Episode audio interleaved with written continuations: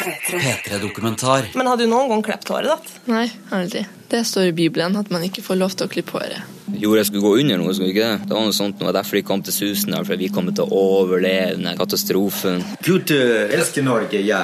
Nå kommer siste dag kommer for hele verden. Men Norge, Gud har ekstra. Gud har planer. Scooter, Karsk og Kristus. En P3-dokumentar om å følge Gud til Nord-Norge. Av Frid Kvalpskarmo Hansen. 3-3 I evighet skal jeg få være der. I evighet skal jeg få være der. Akkurat nå så befinner du deg helt sør i Nordland på grensen til Sverige i en kommune som heter Hattfjelldal. Det er Nordlands nest største kommune i areal, har 1500 innbyggere, to matbutikker, og den store stoltheten, det er et fjell forma som en hatt. For å oppsummere, dette er en sånn plass hvor mikskiosken og puben er i samme lokale. To og en halv mil fra Hattfjelldal sentrum så finner du bygda Susendalen. Med sine 270 innbyggere så utgjør dette den største bygda utenom sentrumsbygda. I Susendalen der finnes det ingen matbutikk, men innerst i dalen der ligger det en eh, snøscooterbutikk. Det var denne bygda jeg vokste opp i, og inntil nylig så mente jeg at dette var en av planetens mest gudsforlatte steder. Men så skjedde noe som endra dette bildet. Å Jesus, du som fyller alt i alle. For omtrent to år siden så kom det flyttende tre familier fra Tyskland opp til Susendalen. På bygdemunne så blir de bare kalt eh, Smiths venner, eventuelt bare Smiths, eller de der Smiths-karene. Kan jeg, skal jeg henge med? Vil du være med heisen? ja, greit. Hva er det du skal? Jeg er skjettenklær. Tøger Haugen han er en av de menneskene som klarer å få svartmetall og jobb på sykehjem til å virke som verdens mest naturlige kombo. Og han kan fortelle at innflytterne de skapte jappetid på bygdas ryktebørs. Sånn der, ja. Jeg er T-skjorta mi, forresten. Med en gang de kom, så var det jo helt Du har jo jævla mye sykt. Det er når det kom først to sånne Smiths-folk, og så for de et hus, og skulle de få bo der hvis de maler huset. Men eh, de maler aldri huset, for at Gud har vel gitt de eh, klarsignal at det var greit ennå. Det var noe sånt. Men i hvert fall de gamlingene som bodde der, de brydde seg ikke så mye. Men så kom det flere, og så kom det flere. For det var like før uh, det skulle smelle, ikke sant. Jorda skulle gå, jeg skulle gå under noe, skulle ikke det? Det var noe sånt det var Derfor de kom til susen, for vi kom til å overleve den katastrofen. At når verden går under, så består Susendalen. ja, vi overlever alt. Hvordan er innstillinga sånn generelt sett i bygda til de? Jeg tror ingen har noe forhold til de. Fordi jeg får en liten følelse at de kan være litt lukka. da. Sånn der han eh, De kan være litt vanskelig å komme inn på. Men om noen har prøvd igjen, det er en annen sak. Men eh, vi har jo vært naboer veldig lenge. De, ja, ja, de hilser jo for så vidt nå, da, men eh, jeg vet ikke hvor gode de er i engelsk heller. Liksom ikke prøver så mye å prate med dem. men eh, Men um, tror du folk blir redde dersom det kommer flere? Ja. Vi, har, vi, skal, vi kommer fra Susna. Vi skal ha en sånn der han gjestfrihet. Tror vi, men egentlig så er vi bare Vi har en sånn fremmedfrykt, har vi. Med en gang det kommer folk fra altså, asylmottaket fra all slags land, så blir vi sånn der ah. Og Ei gamlekjerring som prater om at hun så noen spor i blomsterbedet. Jeg må være, de asylmottakfolkene. ikke sant, som Oppstyre, oppstyre. Og så det er smittsvenner. Når de kom, så var, ble jeg ganske lei av å høre om det. Ja, de kommer, hele gjengen. Vi kommer til å bli overfolka i Susnaren, akkurat som det kommer til å skje. så det er lame. Det er veldig lame. Jeg måtte jo komme til bunns i det her. Finne ut hvordan i all verden noen hadde funnet på at de skulle reise fra Tyskland opp til en nordnorsk dal. En dal hvor de mest steinharde elgjegerne drikker blodkarsk, og unger på tre år har sin egen barnesnøscooter. Var det virkelig sånn at denne plassen var den eneste som kom til å overleve dommedag? Den første jeg kom i snakk med, det var ei ung jente. Og med en gang så begynte jo kunnskapen jeg hadde samla rundt på bygda å smuldre mellom fingrene på meg. Um, ja, jeg heter Kasia Goes. Jeg er 16 år gammel. Blir 17 på 22. mars. Men Kasia, er, er dere smittsvenner? Nei, det er vi ikke. Vi er ikke smittsvenner. Hva er dere er, da? Nei, vi er kristne. Vi er kristne som følger etter Bibelen. Liksom, vi leser Bibelen og tror på hva som står der, og prøver å følge etter det. Hva har du hørt om smittsvenner før du kom til Atildal? Nei, aldri. Jeg visste ikke hvem det er på navn. Så vi, eh, vi googla opp på nettet, og ja, alle som visste noe om det, fortalte oss hva smittsvenner er for navn. Så vi kunne vite liksom hva de andre tenker om oss, egentlig. Så da googla smittsvenner, faktisk? Ja. Det første man tenker over når man møter Kasia, det er utseendet. Eller det er kanskje mer riktig å si stilen. Hun går med skjørt og skaut, og det blonde håret hennes det er bare helt sykt langt. Men har du noen gang klept håret ditt? Nei, aldri. Men hvorfor ikke? Nei, for det står i Bibelen at man ikke får lov til å klippe håret. Og siden vi følger Bibelen, så gjør ikke det. Men har du sånn fått lov av foreldrene dine dersom du har hatt lyst? Det, det er jo sånn værsebibel at liksom, det er lov å gjøre alt, men man må tenke på liksom, hva som blir følger etter det. Så hvis jeg liksom på en måte kommer til å gjøre det, så De kan jo se at hvorfor jeg har gjort det, eller noe sånt, men de kommer ikke til å bli sinte på meg. Men, men liksom Kan du komme til helvete bare for å på håret? Nei. Men hvis man liksom gjør det hele tida, da og prøver å nå opp et eller annet mål med det, så kan det skje. Og da åpner jeg med en gang. Jeg må finne først.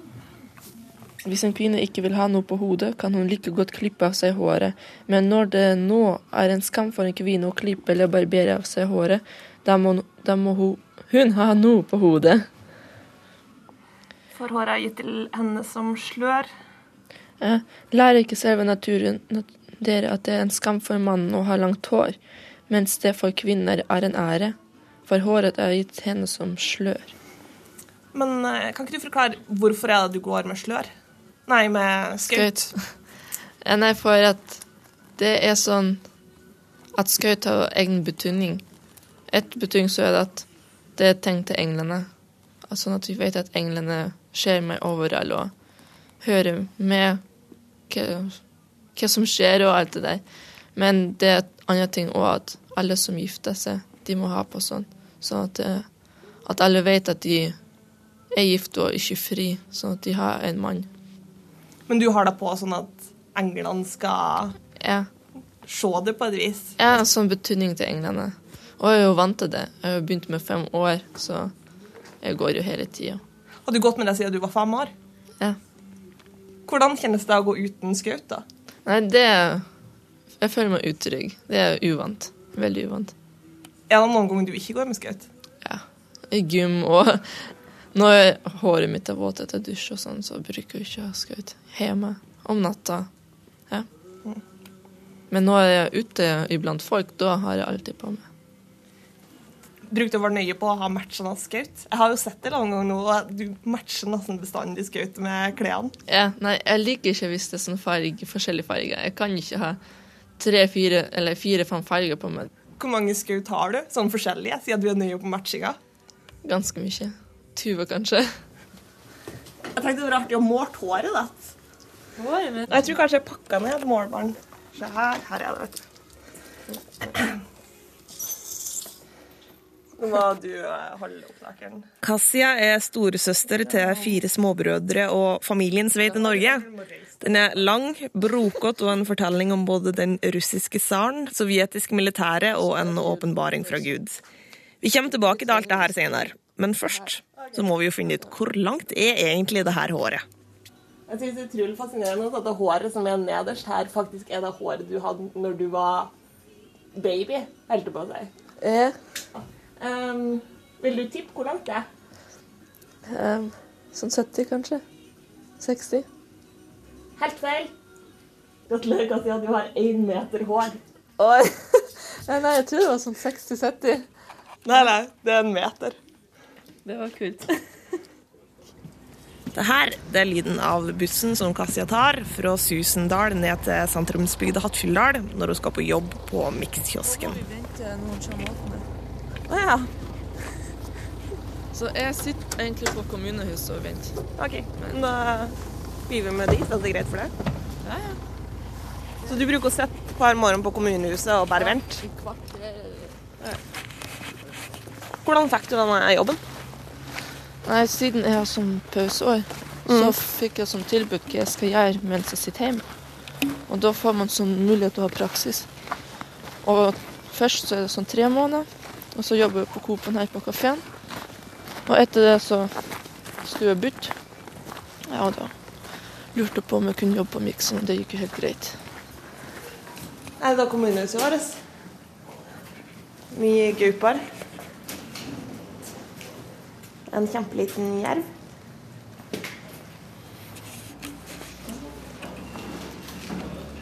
For du bruker å sette? Mens vi venter på at det kommer folk på Mix-kiosken, så kan vi jo stikke en tur opp på ungdomsskolen for å snakke med andre på Kassia sin alder. Vi må nøye oss med de som er året yngre, for de som er like gamle som Kassia, de har flytta hjemmefra for å gå på videregående. Tre mot én. Perfekt. Det er sånn som gjør i morsom. Det er det, så jeg, forstår det ikke. Ja, uansett. Hva dere snakker om? Friminuttene. Frøen som begynte begynt å blø. For hun var slem. Ble det slåsskamp? Ah, leksjon. Basing. Litt sånn lekeslåssing. Ja, det var har kontroll hele tiden der, men så sang de opp ut og snur og sparker og helsike hele gjengen der. Var det du som ble utsatt for basinga? Hæ? Ja, Jeg har full kontroll, så kommer de bak, og så eh, Vet du faen hva som skjer her? Var det sparka? Altså. Ja, ja. Jeg er skitskole. Tre mot én, det er sånn de gjør i Mosjøen? Ja.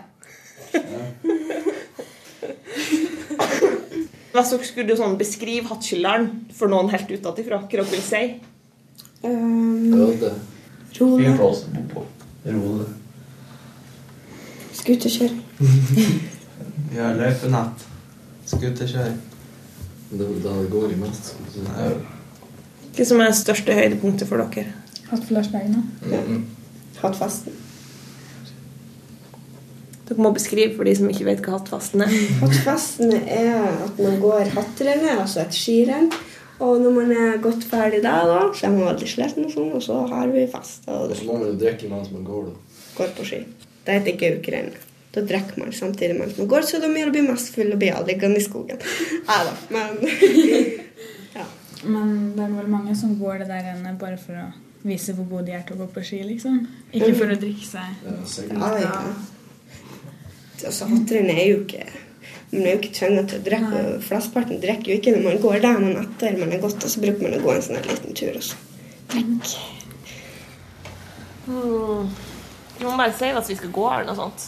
Ja, nei, jeg vet ikke når vi skal gå. B Og de brukte å komme hit og hente? Nei. Jo, de har kommet. De har kommet. Må vi gå ned dit. Når du gikk eh, det siste året på ungdomsskolen her, ble du kjent med folk da, eller hvordan gikk det? Ja, jeg var jo egentlig litt sånn litt kjent med dem, men i klassen så var det egentlig ingen som jeg hadde så mye kontakt med. Hvorfor ble det sånn? Nei, jeg vet ikke helt hvorfor, men det er jo sånn at de, de er jo innestengt på en måte, syns jeg. På grunn av at de jo kjenner jo hverandre fra barnehage. Mm. Og hvis det plutselig kommer noen helt nytt og fra utlandet, så blir det jo litt uvant. Der.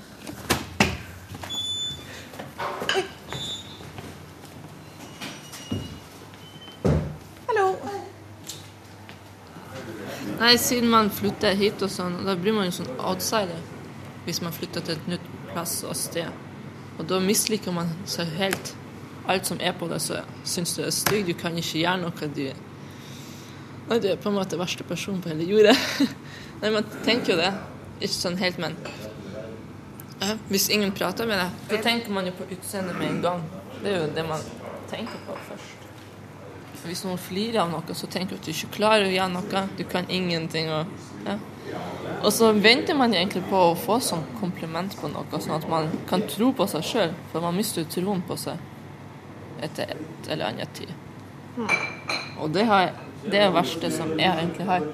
Liksom, at jeg ikke tror på meg sjøl. Hvis jeg gjør noe, så Nei, jeg kan, det er alle andre som mener du kan gjøre det, du klarer det. Men jeg tror ikke på meg sjøl. Jeg har ikke troen på meg lenger. Og det er egentlig problemet mitt. Hvis jeg hadde den, så hadde det vært helt annerledes, syns jeg. Men liksom, egentlig så tenker jeg ikke så mye på det. liksom. Jeg prøver ikke å tenke på det, men egentlig så hvis man tenker på det, så finner man ikke noe positivt om seg sjøl, på en måte. Jeg vet ikke hvorfor det er sånn, men noen ganger så er det at man finner bare negative ting. Da snier jervkvalper når vi går ut for å ta noen bilder av Kasia utafor mikskiosken. Her er klassisk Gattkilderen. Hæ? Her er klassisk Gattkilderen. Sånn lapp med scooter til Ja. salgs. Har noen noen gang spurt deg hva slags scooter du syns er best? Gutter? Om noen har spurt deg hvilken scooter? Skutter, ja. Nei. Jeg har ikke peiling på de, så jeg vet ikke hva som, hva som er best. Her må jeg bryte inn, for du syns kanskje det er litt rart at jeg spør Kasia om hun har fått av scooterspørsmålet, men greia er at i Hattfjelldal så er spørsmålet hvordan scooter syns du er best, det evige spørsmålet. Det er den ultimate problemstillinga som alle på et eller annet tidspunkt blir satt ovenfor, og de fleste de kan jo òg svare sånn. Hvordan scooter syns du er best? Polaris. Hvordan scooter syns du er best? Skido. Hvordan scooter syns du er best?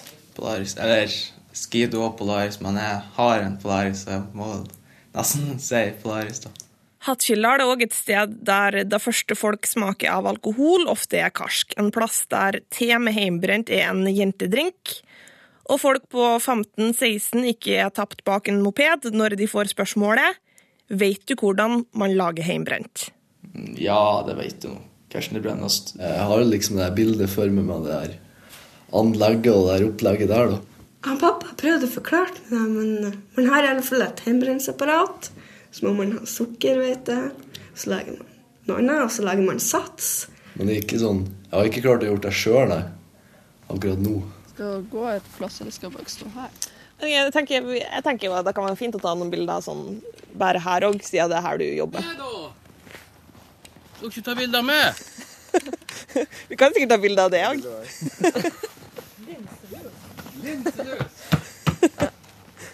Er det noen du kjenner?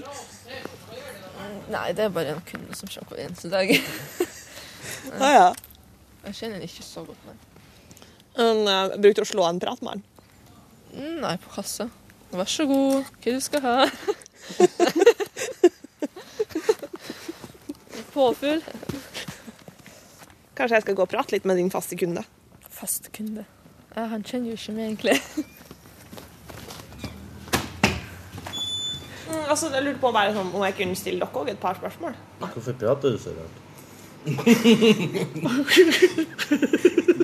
Ok, her må jeg komme med en aldri så liten saksopplysning. For grunnen til at denne mannen på over 40 år fniser som ei 14 år gammel jente, er fordi han gjenkjenner dialekten min som Susendalsdialekt.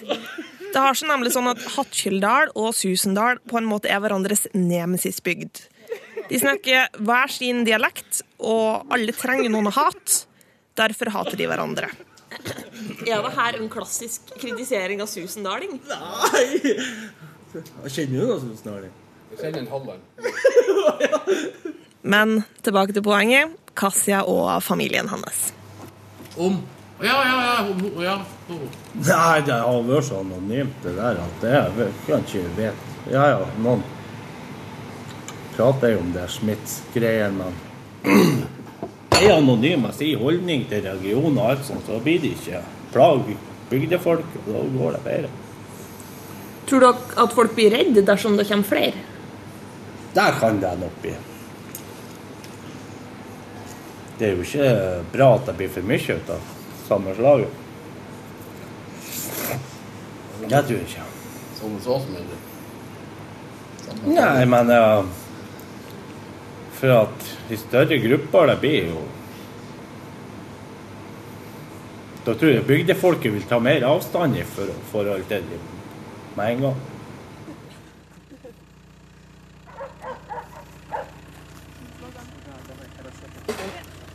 Jeg blir invitert hjem til Kasia på middag, og jeg blir jo nesten litt skuffa over hvor vanlig det er. På veggene så er det ingen svære kors eller bilder av Jesus, bare helt ordinære familiebilder. Men når dere snakker sammen, familien, hva slags språk snakker dere på da? Mest russisk. Ja, tysk, russisk og norsk sånn blanding. Noen ganger så bruker vi å prate sånn blanding at vi forstår nesten ikke hverandre.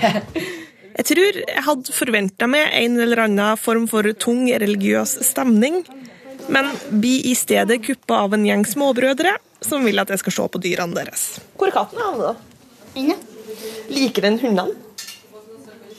Du bjeffer hver dag på han. Men en gang jager hunden at han skal aldri bjeffe på katten, så bjeffer han aldri mer på katten.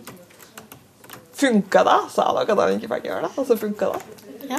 Men eh, faren til Gazia, Nikolai, han forteller meg at selv om familien har holdt lav profil, så har de ikke helt sluppet unna agg fra lokale krefter. Det er litt problemer være det, når vi kommer på Susendal. Det var litt problemer. Det er to eller tre ungdom kommer ja, en gang. Sagt Norge bare for nordmenn. Norge bare for nordmenn. Jeg liksom, Kom hit til huset vårt og kasta stein på vinduet og bare sånn Hæ? Hallo, Ja. Norge er bare for nordmenn også. Sagt, gå bort! Når jeg kommer der, så jeg med kamera litt, så prøver jeg. Når jeg prater med rektoren, sagt, sagt Nikolai, jeg kan ikke hjelpe. Du må med politi prate. Jeg har sagt, nå jeg vil ikke det med politi eller hva Det er ikke så bra liksom å fare og ha rettssak om at ungdommer kaster stein på vinduene og sånn. Men spørsmålet er jo hvorfor kom de i det store og hele? Forklaringen den begynner egentlig for 300 år siden på starten av familiens brokete geografiske historie.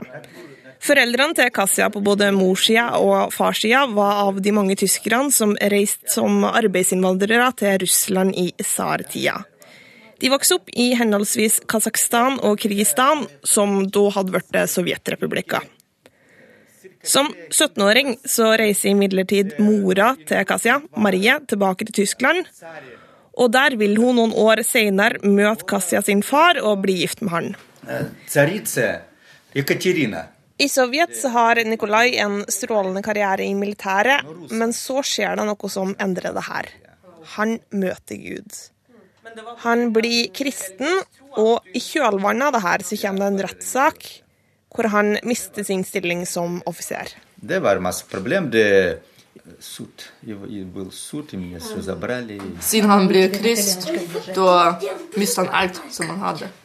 Han kom opp i rettssak med om en gang og fikk ikke jobb, fikk ikke leilighet. Ingenting. Og herfra så følger Nikolai Gud. Han får et tilbud om å reise til USA, men Gud sier han at han ikke må reise dit. Det kommer til å bli masse problemer der. Gud sagt nei, USA nei. I USA det problemet masse kommer. Han reiser derfor heller til Tyskland, hvor han møter Marie, blir gift, får barn. Og der sier Gud at han må vente, så skal han senere få en beskjed om hvor han skal flytte videre. Og den beskjeden den får han en dag når en mann spør om han vil bli med til Norge. Og slik Nikolai ser det, så har Norge en spesiell stilling hos Gud. Gud eh, elsker, ja. Kjære, elsker Norge. Nå kommer siste dag kommer for hele verden. Så eh, for Norge ekstra Gud har planer. I Norge kommer de først til Trondheim, hvor de blir kjent med to andre familier som har samme religiøse bakgrunn. Og det er her de begynner å komme de drømmene som skal bringe de til Nord-Norge og Susendal. Først så drømmer Kasia sin lillebror på 14 år en ganske komplisert drøm som beskriver en vei nordover og et hus i skogen. Ja, og så når vi svinger, og så kjørte vi en sånn vei og gjennom skogen, og så blir, lurte vi bare liksom på sånn, hvor vi kommer fram når vi kjører bare liksom gjennom skogen. På en vei så er det liksom bare skog og sånn. Deretter så drømmer ei fra en annen familie om et kart som viser et sted i Nordland som de skal flytte. Og til slutt så drømmer mora til Kasia helt spesifikt om et skilt. Men så så et skilt, og så leste hun navnet, men så husker hun ikke når hun stod opp hva som navnet var. Men det var noe på med Susanne, og liksom, noe som ligner på navnet der. Når vi kom hit, så var det Susan der. Sånn de ser det, så er det Gud som har brakt dem til Susendalen. Det er her Gud vil at de skal være, og de mener òg at det er sånn at dommedag, det er nært. Når vi leser Bibelen, og det står at i siste tida så kommer det å skje det og det og det, der det står liksom hva som kommer til å skje. Og nå så skjer jo de tingene som står. Så vi vet jo 100% at det er den siste tida. Men jeg er litt så usikker, Når du sier, når dere sier den siste tida, hvor lenge er liksom den siste tida? Er det liksom, kan det ha vært 300 år, eller? Nei, det er liksom Det er ikke helt sikkert, for vi kan ikke si at Man det kan er ikke liksom, si det. 2014 eller sånn, vi kan ikke si det er sånn, men det er liksom Kanskje det er tre år, kanskje det er 30 år, det er liksom Men det er siste Man kan ikke si det, vi vet at vi har kommet inn i den siste Ja. tida. Og Jesus, du som fyller alt i alle, som rik på miskunnhet og nåde er. Jeg lik Maria for din fot vil falle, for intet hvilested er skjønt som der. Etter middag så tar Nikolai meg til side, så han virker nesten litt nervøs, og sier at jeg må ikke ta med for mye av det han har sagt, for han er redd for å bli misforstått. Dagen etter så spør Kasia om det er sånn at de prøver å være litt forsiktige med det de sier, for å unngå misforståelser og rykter. Når vi kom til Norge, så var det med en gang at man må liksom tenke på hva man sier, for vi er jo helt annerledes enn folket her. For i Tyskland så er det jo helt vant at man ser sånne folk ute på gata og alt det der. Det er jo mange som er akkurat sånn som vi. Og da er det egentlig lett å si, for alle vet om oss. Alle vet hvordan vi er, alle vet at vi tror på Gud. Ja, man vet alt om oss. Og her når man kommer hit, og plutselig så er det helt nytt religion på en måte som kommer hit, selv om vi ser at vi er kristne, så tolker det jo helt annerledes. Da blir det sånn ja, misforståelse og baksnakking og alt det der. Så man tenker jo hva man skal si. Ikke at man sier for mye eller for lite. Man må liksom prøve å forklare helt sånn som det er. Mm, har du noen tanker om hvorfor tror du, du at Gud vil at dere skal være her? Det er jo Ja, men det er egentlig litt sånn som man kanskje ikke kan forstå hvis man ikke vet hva som det er. Man kan ikke forklare det egentlig òg, for man vet jo ikke helt sikkert Vi vet jo ikke sikkert hvorfor vi kom hit.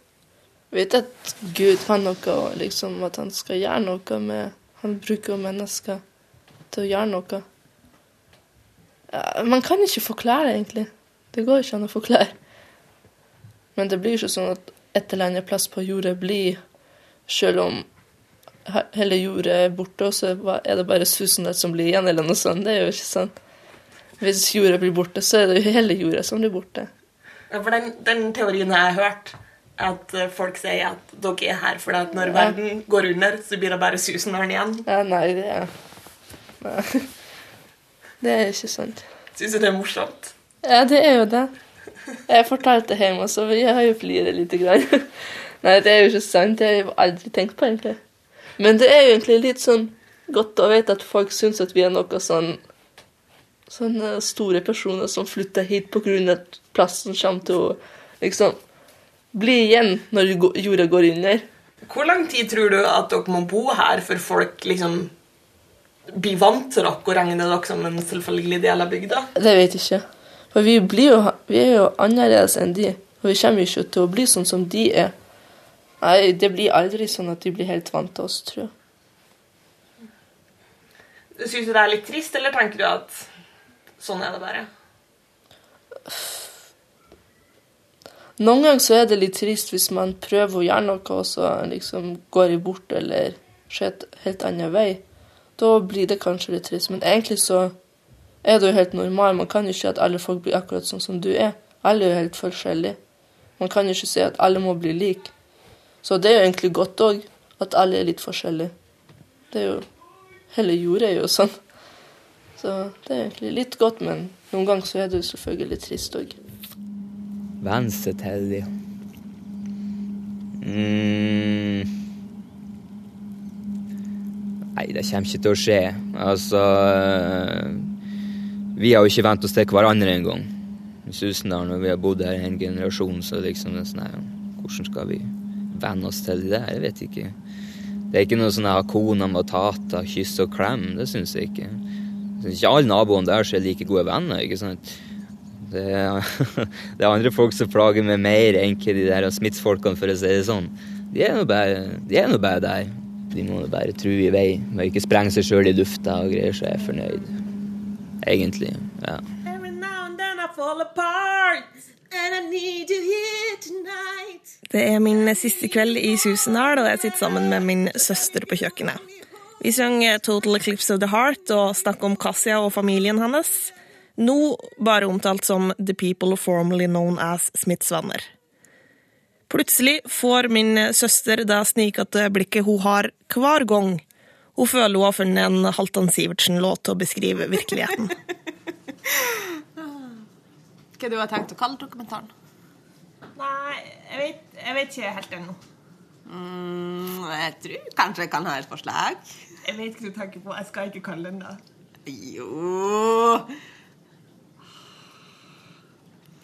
Jeg så deg i går på gata, da byen lå kald og stor. Jeg så du var ny i livet, og jeg så du var ny her nord.